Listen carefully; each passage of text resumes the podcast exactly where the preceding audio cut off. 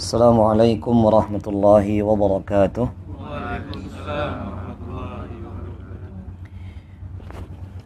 الحمد لله. الحمد لله الذي أرسل رسوله بالهدى ودين الحق ليظهره على الدين كله وكفى بالله شهيدا. وأشهد أن لا إله إلا الله وحده لا شريك له. وأشهد أن محمدا عبده ورسوله. لا نبي ولا رسول بعده. اللهم صل على محمد وعلى آل محمد كما صليت على إبراهيم وعلى آل إبراهيم. إنك حميد مجيد. وبارك على محمد وعلى آل محمد كما باركت على إبراهيم وعلى آل إبراهيم. إنك حميد مجيد. وبعد. فقال الله تعالى في القرآن الكريم أعوذ بالله السميع العليم من الشيطان الرجيم. يا أيها الذين آمنوا ادخلوا في السلم كافة ولا تتبعوا خطوات الشيطان إنه لكم عدو مبين أيها الحاضرين jamaah yang berbahagia rahimani wa rahimakumullah Bersyukur kita tidak henti hanyalah kepada Allah Jalla Jalaluh Yang hingga detik ini masih memberikan kesempatan kita Untuk selalu berada di dalam kebaikan Diberi kemudahan untuk melakukan amal-amal ketaatan dengan sebelumnya diberikan nikmat iman dan nikmat Islam. Dan seandainya kita tahu Bapak Ibu yang dimulakan oleh Allah Subhanahu wa taala nikmat iman itu telah Allah taala berikan kepada seorang hamba di antara kita tatkala ruh ini diciptakan oleh Allah. Sebagaimana Allah taala ingatkan kita di dalam surah Al-A'raf ayat 72 kurang lebih di sana Allah taala mengingatkan kepada kita ya saya ulangi, di mana Allah Ta'ala tatkala menciptakan anak Adam atau dalam ruhnya itu, Allah Ta'ala telah menetapkan setiap ruh itu telah dalam kondisi beriman kepada Allah. Misalnya dalam hadis Nabi misalnya. Kullu mauludun fitratun. Setiap bayi yang lahir di muka bumi ini fitrah. Makna fitrah di sini adalah ruh itu memang diciptakan oleh Allah dan beriman, Bapak Ibu. Baik dia lahir dari wanita yang majusi, Nasrani atau Yahudi sekalipun, ruh itu beriman. Ya. Dan juga di dalil bahwasannya saya sampaikan di tempat yang lain, di dalam Islam tidak ada status anak haram itu tidak ada. Walaupun ibunya pelacur, walaupun bapaknya itu germo, anaknya itu tetap suci. Yang haram itu perbuatan bapak ibunya. Maka alhamdulillah kita ini diizinkan oleh Allah Jalla Jalaluh beriman kepada Allah sebelum kita lahir di muka bumi ini. Sebagaimana tadi saya janjikan di dalam surah Al-A'raf ayat 172, maaf bukan 72, ayat 172. Ketika Allah Ta'ala katakan bani adam min duhurihim wa dhurriyya min dhurim dhurriyyatahum wa ashhadahum ala anfusihim alastu bi rabbikum qalu bala syahidna.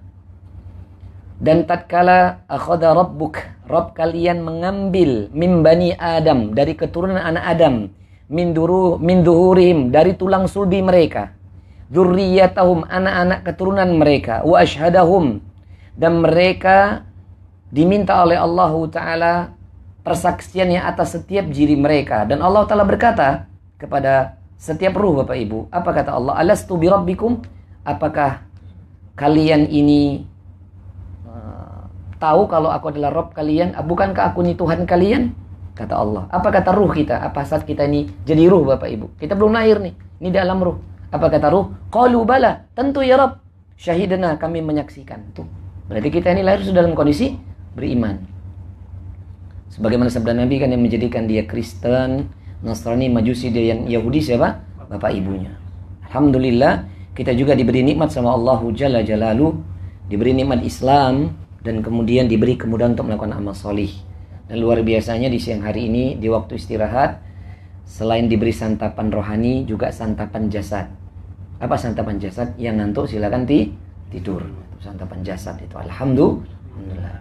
Jadi yang sudah ngantuk silakan baca doa bismika ojo turu kabeh.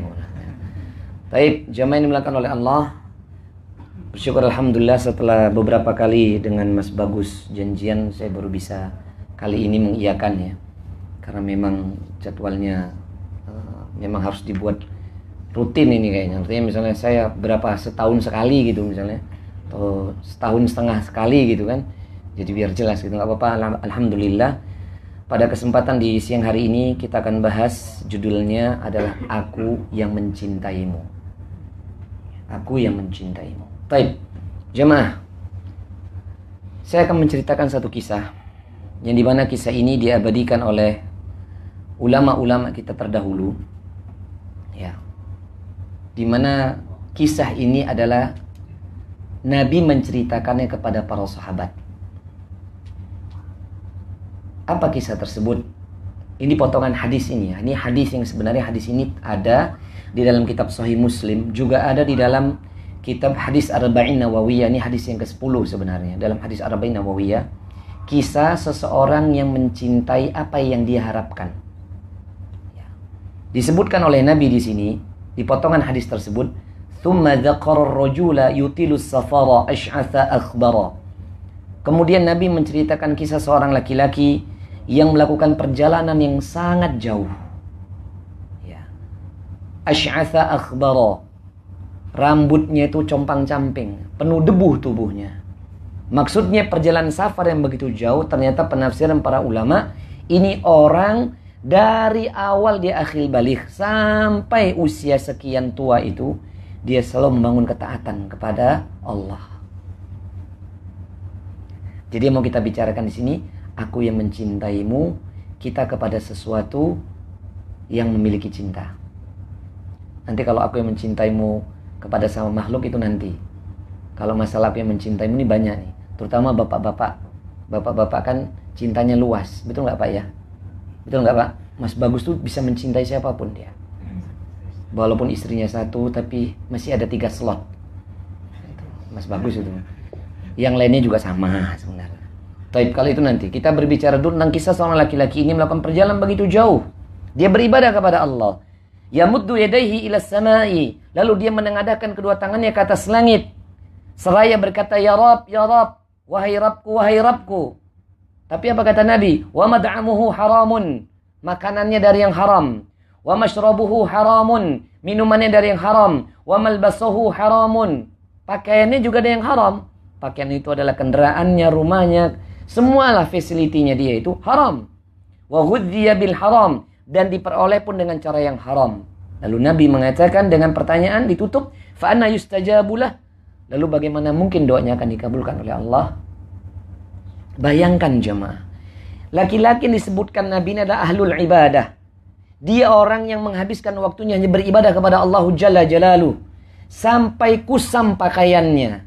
Tidak memperhatikan lagi urusan-urusan dunia yang ada pada dirinya. Dia selalu bermunajat kepada Allah. Satu pun doanya tidak dikabulkan oleh Allah. Karena apa? Makanan yang dia makan, minuman yang dia minum, pakaian yang dia gunakan. Dan cara dia memperoleh dunia tersebut dengan cara yang tidak baik. Padahal di kalimat sebelumnya Nabi mengingatkan innallaha tayyibun la yuqbala illa tayyiban. Sesungguhnya Allah itu maha baik dan tidak akan mau menerima kecuali yang baik-baik. Allah itu maha baik itu asma dan sifat Allah Bapak Ibu. Enggak akan mau menerima kecuali yang baik. Wa innallaha amaral mu'minina bima amara bihil mursalin. Dan sesungguhnya Allah telah memerintahkan orang-orang mukmin dengan apa-apa yang sebelumnya Allah telah perintahkan kepada para rasulnya. Jadi Bapak Ibu, ketika kita diperintahkan ibadah, Nabi kita tercinta Muhammad sallallahu alaihi wasallam, beliau dulu yang mengerjakan terlebih dahulu. Sebagaimana firman Allah di dalam surah, misalnya dalam firman Allah ya dalam hadis ini, ya yuhar rasulu kulu minat thayyibati wa'malu salihan. Wahai para rasul, makanlah dari yang baik-baik. Wa'malu salihan. Lalu beramal solehlah kamu kalian. Nah, makan yang baik-baik di sini pertama status halal dan haramnya, Pak. Yang kedua kalaupun itu halal, itu toib apa tidak? Gitu. Makan durian. Halal apa buatan? Halal. Apalagi ini kan musim panas. Kelihatannya Monti di tempat kami berhasil ini pak. Montong Gunung Pati. Top nih. Montong Gunung Pati. Hmm. Top pak. Satu kamar tuh cuma satu isinya. Itu bijinya kecil. Lainnya itu dagingnya pak. Uh. Matang pak. Tapi kalau mangannya kakean, baik nggak? Mabok. Betul? Betul nggak Bapak Ibu? Secara kesehatan, makanan yang mengandung minyak tidak jenuh. Gitu. Memang tidak baik. Betul kan Pak? Tapi syahwat kita menyukainya. Makan dikit aja boleh nggak? Boleh. Tapi kalau makan berlebihan, apalagi penggorengannya dimakan sisan Pak. Ajib ini orang berarti ya. Jadi sesuatu yang halal pun belum tentu baik Bapak Ibu.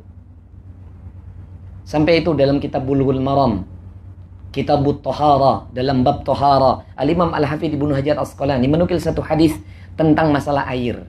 Nabi pernah ditanya tentang Al-Bahru, laut. Nabi ditanya, bagaimana tentang laut? Apa kata Nabi? Airnya suci, bahkan bangkai yang berada dalamnya itu halal. Bangkainya di laut itu halal, Pak. Tapi bu bukan bangkai pitik melepuh jadi halal buatan. Bangkai kambing masuk ke dalam laut halal buatan.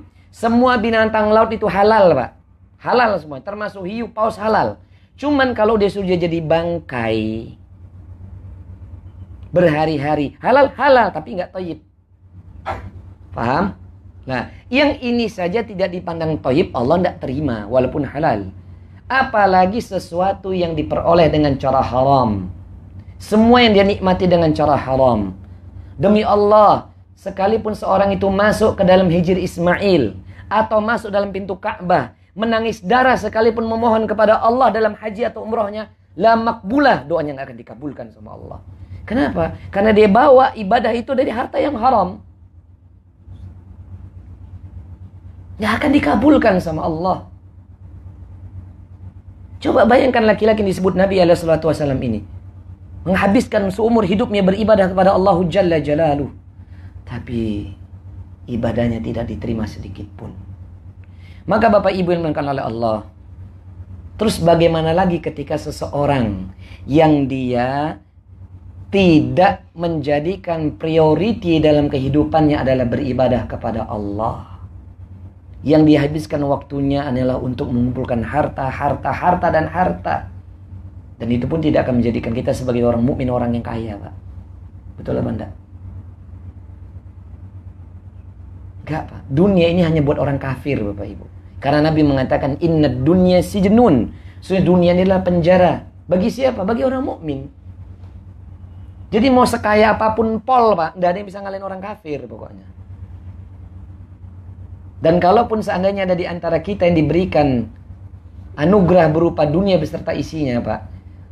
Kalau itu sudah ada tanda-tandanya, segeralah berdoa kepada Allah. Semoga tidak dikasih hukuman dalam kehidupan ini bernama istidraj misalnya diluluh sama Allah. Semakin maksiat semakin bertambah hartanya. Hati-hati itu. Semakin dia melakukan banyak kezaliman, semakin dunianya terbentang atas diri. Itu hukuman paling berat. Maka Bapak Ibu yang dimuliakan oleh Allah, bayangkan orang yang di dalam hadis tadi beribadah aja begitu nggak diterima. Lah terus bagaimana dengan kehidupan seseorang di antara kita yang dia membagi waktunya, dunianya, membagi usia yang dikasih sama Allah lebih banyak lalai terhadap ibadah-ibadah tersebut. Nah, di sini padahal ada hadis yang diriwayatkan oleh Imam Hakim. Nabi mengatakan Bapak Ibu, "Man kana yuhibbu ay ya'lama manzilatahu 'indallah falyanzuru kaifa manzilatahu Allahu 'indah." Barang siapa yang ingin mengetahui di manakah dirinya, di manakah posisi dirinya di sisi Allah, maka lihatlah bagaimana dia meletakkan Allah pada dirinya. Dia menempatkan Allah itu di bagian yang mana? Yang pertama, kedua, ketiga, atau yang terakhir? Fa inna Allah yanzala al-abadi minhu haitsu anzalahu min nafsihi kata Nabi. Karena sesungguhnya Allah taala benar akan uh, menjadikan seorang hamba dekat dengan dirinya sebagaimana seorang hamba tersebut. Bagaimana mungkin seseorang itu dikatakan betul-betul mencintai Allah Jalla Jalaluh sementara dia dengan kewajibannya dengan zikrullahnya, dengan hak-hak Allah, dengan diharamkan oleh Allah, dia sepilihkan hal ini semua. Pak Bu, apalagi nanti kalau kita tarik ke bawah antara hubungan manusia dengan manusia yang lain. Demi Allah Bapak Ibu. Saya sampaikan di kajian saya yang lain Pak. Tidak ada satupun kisah cinta yang lebih romantis dibandingkan cinta kisah cintanya Nabi Muhammad SAW bersama Ibunda Khadijah. Gak ada Bapak Ibu. Romeo and Juliet itu udah ada Pak. Itu cerita palsu itu. Supaya kita suka nonton film aja. Gak ada yang lebih hebat kisah cinta manusia antara Nabi Muhammad SAW dengan ibunda Khadijah binti Khuwailid radhiyallahu taala anha. Cinta itu bukan hanya saat kita ini merindu, menumpahkan saya, menumpahkan birahi, menumpahkan syahwat, bukan. Cinta itu sebagaimana mereka selalu menjaga, memberikan dan memberikan pengorbanan yang begitu luar biasa. Coba Pak, kita pernah dengarkan kala di malam tanggal 27. Maksudnya malam 27 ya. Ada yang mengatakan malam tanggal 27 karena memang turunnya Al-Quran di muka bumi ini lebih banyak riwayat yang mengatakanlah malam tanggal 27 Ramadan. Nabi turun dari Gua Hira di sepertiga akhir malam menjelang subuh. Datang ke rumah Ibunda Khadijah. Apa yang dikatakan Nabi? Selimuti aku, selimuti aku wahai Khadijah. Lalu Khadijah apakah kemudian kayak wanita hari ini? Kenapa kamu mas? Katakan. Minta selimuti malah kakean takon. Ini buat jadi dalih buat ibu-ibu. Bu, kalau suaminya lagi butuh sesuatu, jangan ditanya. Kalau dia minta apa saja, ya kerjakan dulu. Ibunda Khadijah ketika selimuti aku selimut nggak banyak tanya apa. Ambil selimut, diselimuti suaminya dan tidur di atas pangkuannya Ibunda Khadijah radhiyallahu taala. Dalam kejadian yang kedua, berapa hari kemudian kan setelah turun Iqra bismi rabbikal ladzi khalaq. Berapa hari kemudian turun di surah al berikutnya surah Al-Mudaththir. Setelah Nabi alaihi wasallam itu berjalan di antara padang pasir, mau naik bukit Jabal Nur itu. Ditahan sama Allah, malaikat Jibril turun ke langit-langit bumi, duduk di atas langit bumi itu dengan sikil itu gelantungan, Pak, dalam hadis Bukhari. Ya Muhammad anta Rasulullah. Engkau ini adalah Rasulullah. Rasul nggak bisa ngapa-ngapain, pulang, menggigil, minta selimuti lagi, diselimuti lagi, Pak. Dan tidak tanya. Kenapa wahai bojo ora, Pak? Selimuti. Harta dikasih, cinta sepenuhnya, penjagaan diberi. Itulah Ibunda Khadijah. Semoga istri-istri bapak-bapak di sini dijadikan Ibunda Khadijah. Amin. Semoga mbak-mbak dan ibu-ibu di sini dijadikan Ibunda Khadijah akhir zaman. Amin Allah amin. Eh istri-istri baru satu ya Pak ya. Istri saja ya Pak ya. Salah ngomong saya. Biar melek Bu maksudnya Bu. Mbak soalnya bapak-bapaknya matanya sudah mulai tergelincir dan terprosot. Maka Bapak Ibu yang dimakan oleh Allah, kita harus paham Bapak Ibu kalau seseorang katanya aku mencintaimu ya Allah, eh jangan hanya di bibir aja. Kau meletakkan Allah di dalam dirimu bagaimana? Maka kalau tadi saya katakan kalau mau belajar antara seorang hamba kepada hamba yang lainnya, lihat Nabi itu sangat mencintai Allah dan ibunda Khadijah besar cintanya sama Allah dan nabinya. Maka wajar Pak, cintanya dia kepada Allah ketika besar itu terbawa kepada cintanya kepada makhluk. Nah, jadi Bapak Ibu yang oleh Allah, kalau seseorang mengaku mencintai Allah Ta'ala, tidak ada SOP atau standar operasional prosedur yang melebihi firman Allah Subhanahu wa taala yang Allah taala badikan dalam surah Ali Imran ayat 31 wa qala ta'ala Bapak Ibu masih di sini? Bukan jasadnya loh. Ruh dan pikirannya masih di sini. Insya Allah nanti sebentar lagi saya sudahan kok tenang aja. Ntar kita pulang-pulang kampung habis ini. Apa kata Allah? Qul in kuntum tuhibbunallaha fattabi'uni yuhibbukumullah wa yaghfir lakum dzunubakum wallahu ghafurur rahim. Ini ada yang masyhur, Pak. Kita sering dengar, tapi kita nggak mau mengerjakannya masalahnya. Apa kata Allah? Hei manusia, jikalau kamu betul-betul mencintai Allah, fattabi'uni kata Nabi. Ikuti Nabi. Jadi kalau hari ini ibadah kita masih mencontoh selain Nabi, itu cinta kita palsu Bapak Ibu.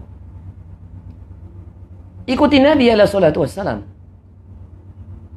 Nampak Bu, begini loh Pak. Sering saya kasih contoh di kajian saya. Atau di kajian-kajian kita. Orang itu ngomongnya cinta sama Allah.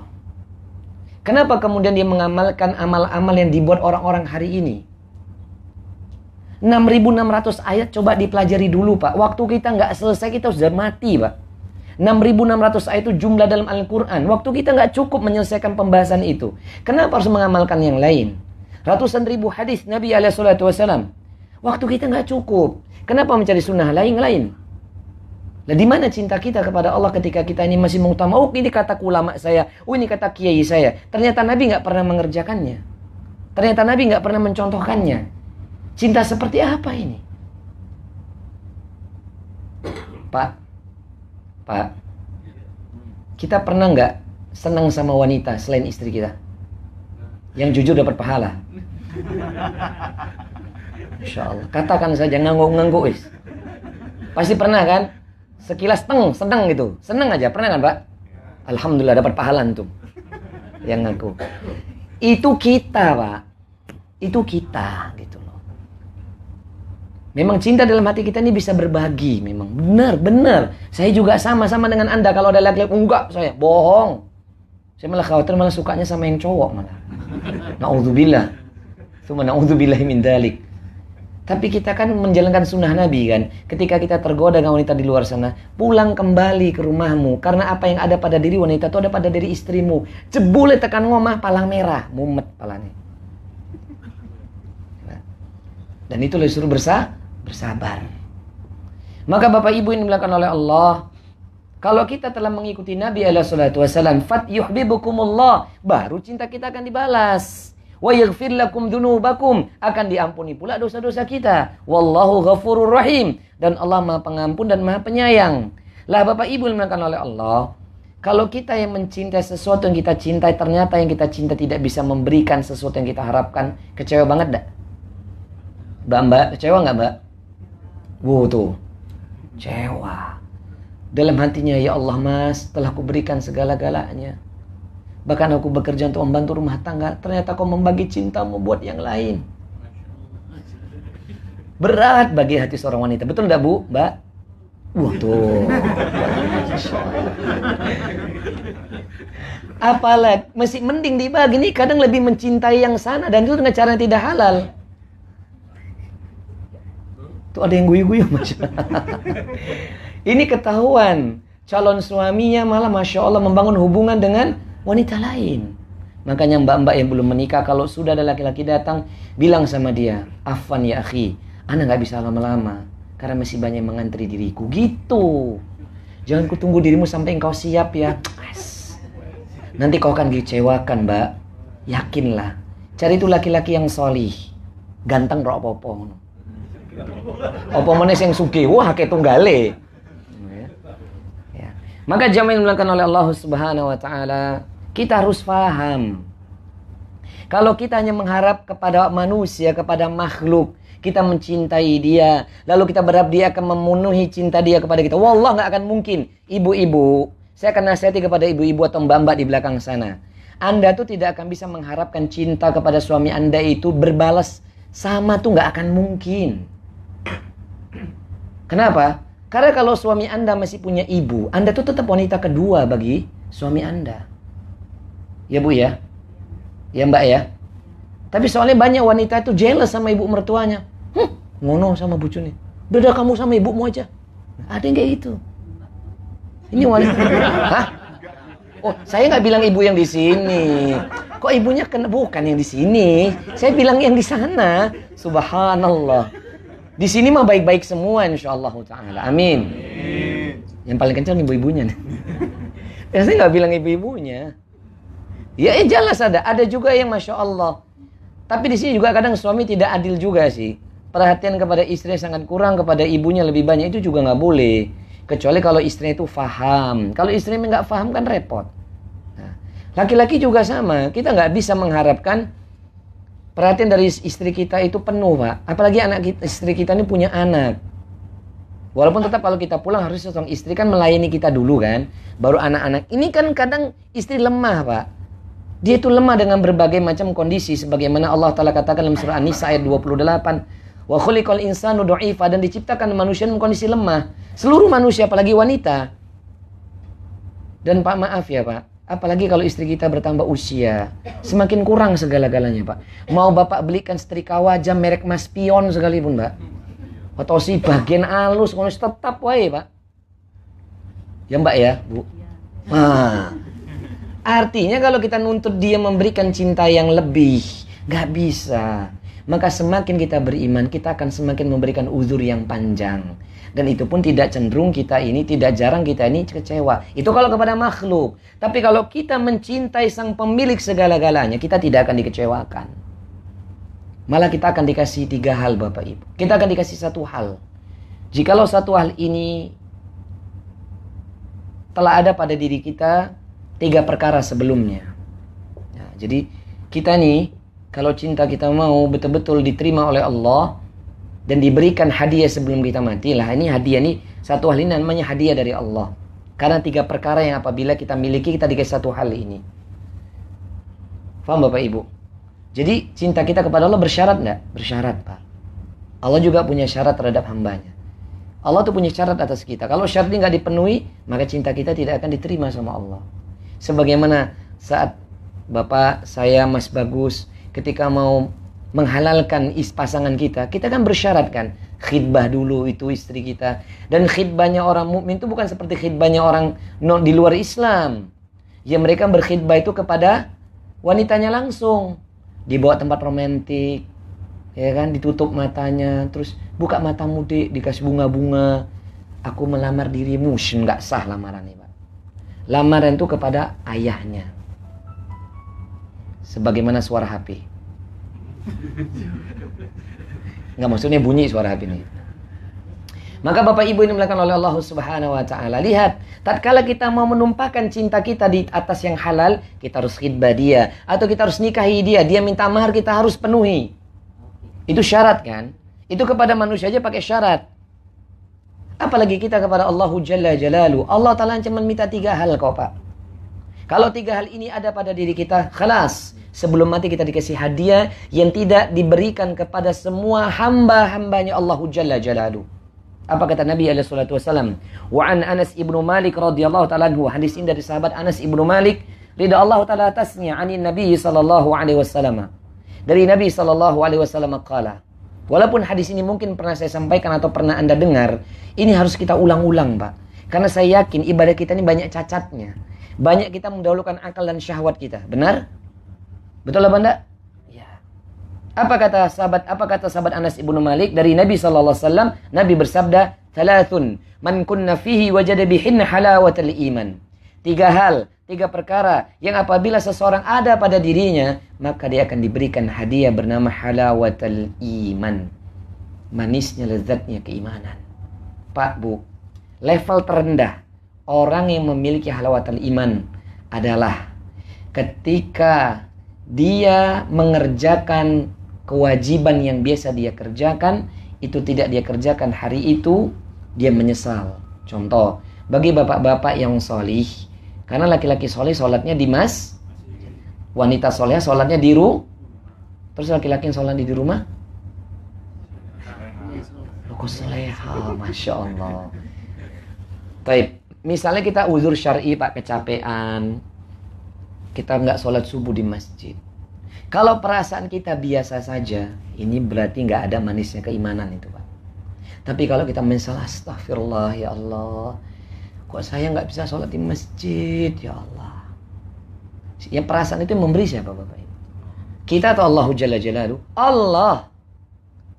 Maka kalau kita punya perasaan itu level terendah itu. Itu level terendah kewajiban yang biasa di masjid nggak kita kerjakan, kita menyesal. Itu halawatul iman. Tapi kalau perasaan kita biasa saja, itu berarti cinta kita selama ini bertepuk tangan. Bertepuk sebelah tangan. Kemudian, level di atasnya. Ketika amalan-amalan sunnah yang biasa dikerjakan namun tidak bisa dikerjakan hari itu, perasaannya menyesal. Misal biasa sholat malam, astagfirullah ya Allah bangunnya kok pas azan subuh? Ya Allah nggak bisa sholat malam. Ya Allah. Nyesel dia. Ya Allah tadi mau sholat biasa sholat duha kok saya nggak bisa sholat duha? Ya Allah walaupun bukan wajib ini amal yang dia dawamkan. Karena Nabi kan mengatakan demikian. Ya, wa innal ah, wa innal a'malu ahabba ilayya madama mina wa in qalla aw kama qala Rasulullah sallallahu Sesungguhnya amal-amal yang paling dicintai oleh Allah di antaranya yang dikerjakan secara dawam terbiasa walaupun hanya sedikit. Ya Allah hari ini harusnya bisa tilawah dua lembar. Kok hari ini nggak bisa ya Allah? Malah tilawah WhatsAppnya berjam-jam.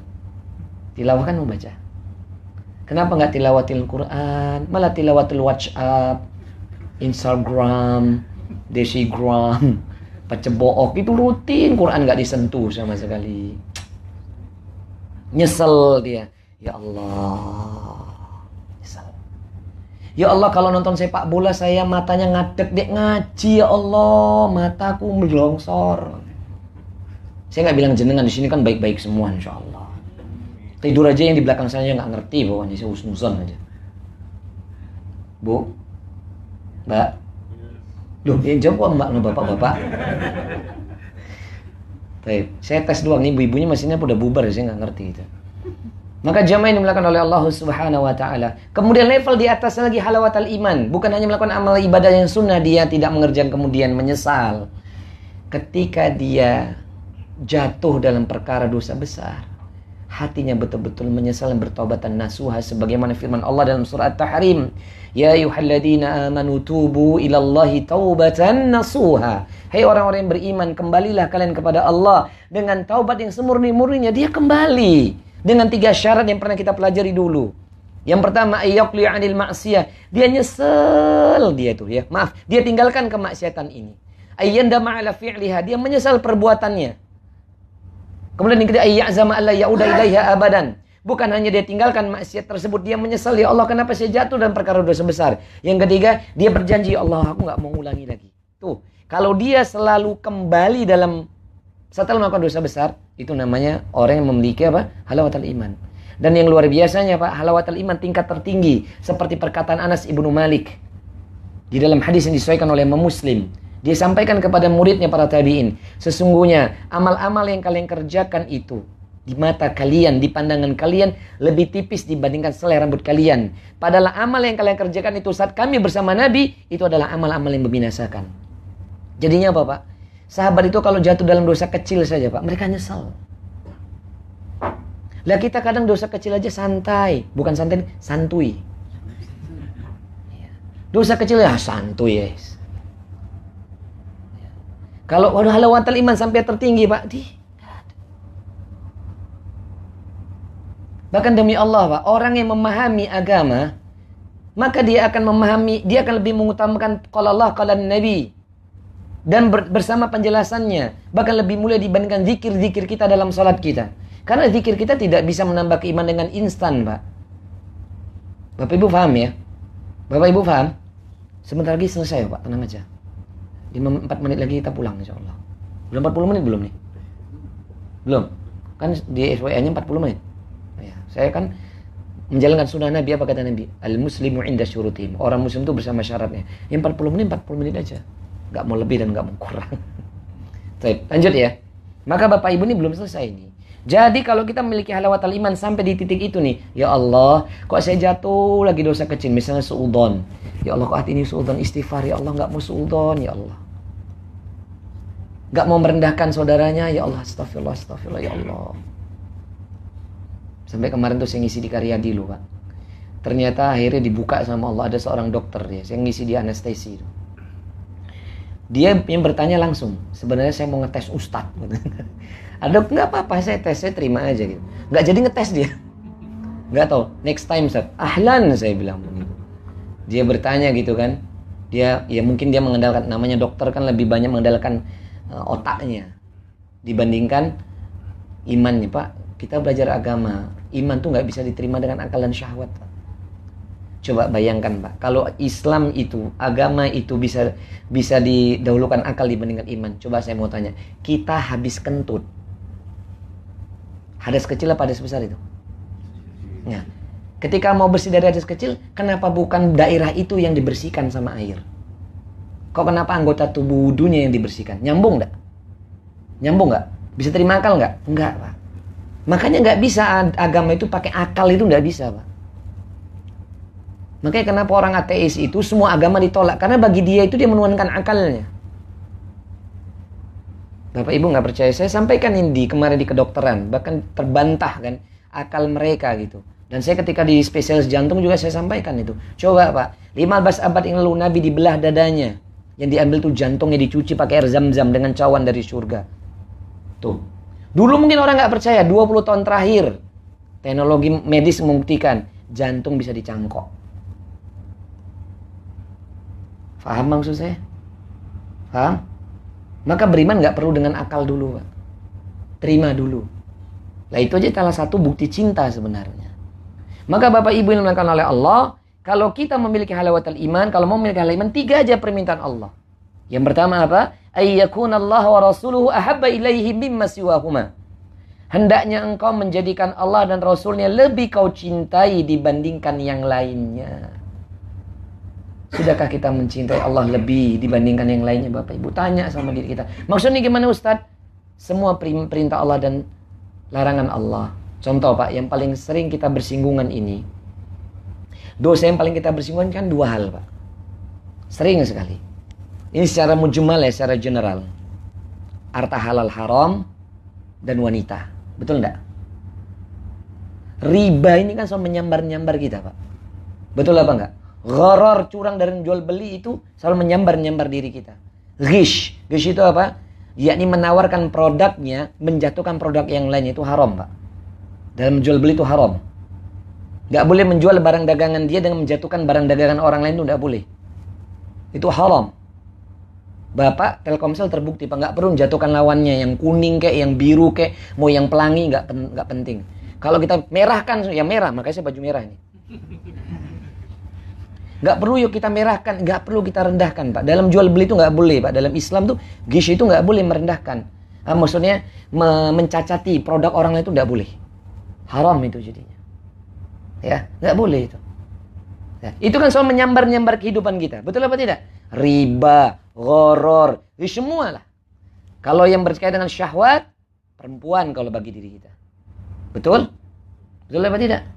Nah, maka jamaah melakukan Allah, dahulukan Allah dan Rasulnya, terima dulu perintah dan larangan. Perkara kita ini tidak mampu mengerjakannya atau tidak bisa menghindar dari larangan itu, itu nanti. Larangan ini diterima dulu. Faham? Larangan riba, terima. Soalnya kemarin itu demi Allah ada cerita dari seorang jamaah. Salah satu jamaah itu cerita di tempat dia bekerja dulu di salah satu bank lah di di sini. Itu diundang seorang dai lah Nanti saya sebut lembaganya malah tersinggung. Diundang untuk menghalalkan ditanya sehabis pengajian sama karyawan bank itu. Pak Ustadz saya mau tanya, apakah kerja di bank itu haram atau apakah riba itu haram? Apa jawaban Ustadz? Tidak semua riba itu haram. Coba ajib tuh. Kalau besar masalahnya daripada mandoratnya, maka itu halal. Ajib. Ustadz gelarnya doktor coba. Gara-gara dikei uang 3 juta atau 5 juta sama bank itu ngisi. Mengharamkan apa yang dihalalkan oleh Allah. Wallah itu keimanan dia tercabut. Gak main-main. Dia bilang contoh. Masalahnya lebih besar daripada madarat. Kalau misalnya seorang itu mau jualan. Butuh modal usaha. Dia buat dia hutang 5 juta. Dia harus kembalikan 6 juta setengah. Kan lebih banyak masalahnya atau motorotnya. Masalah baru tepuk tangan pegawai bank. Alhamdulillah. Berarti kita halal kerja di riba mantul. Gak ada jaminan gelar doktor pak. Wallah ijazah itu bisa dibeli. Betul? Begitu banyak dalil-dalil itu dalam suratul Baqarah tentang pengharaman riba kok dia tolak. Lah kalau dia perkara belum bisa move on dari haram, dari riba, itu urusan nanti, Pak. Tapi perkara dalil terima dulu. Kalau ini aja dia nggak nggak terima, berarti cintanya ditolak sama Allah. Faham? Seperti kasus laki-laki tadi cerita Nabi, laki-laki yang hidup tadi itu loh, beribadah terus. Tapi untuk ibadahnya yang haram dia bawa, ditolak cintanya sama Allah. Faham Bapak Ibu? Faham? Kemudian yang kedua, wa yuhibbal mar'a la yuhibbuhu illa lillah. Dan jikalau seseorang di antara kita mencintai orang yang dicintai, tidaklah dia mencintainya hanya karena Allah. Jadi Bapak Ibu, poin yang kedua, setelah Allah dan Nabi-Nya lebih kita cinta dibandingkan yang lainnya, hendaknya kita mencintai keluarga kita karena Allah. Makanya Pak, tidak dikatakan kita mencintai pasangan kita karena Allah. Kalau kita membiarkan pasangan kita jatuh dalam kemaksiatan, membiarkan dia dalam ketidaktaatan, tidak boleh Pak. Walaupun proses ya Pak, walaupun proses. Saya doakan di sini insya Allah udah baik-baik semuanya. Amin. Pak, kalau misalnya seorang laki-laki di antara kita membiarkan istrinya masih gundulan, tidak menutup aurat, itu berarti seorang suami mencintai dia itu baru zatnya doang, Pak. Belum mencintai dia karena Allah. Apalagi itu bapak kan punya hak mutlak, wajib kok pakai jilbab. Begitu. Itu mencintai karena Allah. Gak mungkin juga dia membiarkan anak gadisnya keluar tanpa menutup aurat. Paham Bapak Ibu? Paham? Itu mencintai karena Allah bukan dunianya. Maka saya sampaikan di kajian ini juga buat ibu-ibu bu ya. Suatu saat mungkin ada yang diuji. Ketika dalam rumah tangga itu suami dibuat violet sama Allah, usahanya gagal. Apakah itu musibah terbesar dalam rumah tangga? Tidak. Musibah terbesar dalam rumah tangga adalah ketika seorang istri mendapatkan suaminya berada dalam kemaksiatan. Anak-anaknya berada dalam maksiat itu musibah terbesar. Bukan karena dunia tidak diberikan oleh Allah Jalla Jalaluh. Makanya Bapak Ibu, cintailah pasangan kita karena Allah, cintai anak-anak kita karena Allah. Kalau kita tidak mencintai mereka karena Allah, nggak akan sampai kita mendapatkan halawatul iman. Cinta kita pun tidak akan berbalas di sisi Allah. Dan yang terakhir, wa yakraha ay ya'uda fil kufri ba'da an anqadahu Allah minhu, kama yakrahu ay yuqdhafa fin nar muttafaqun.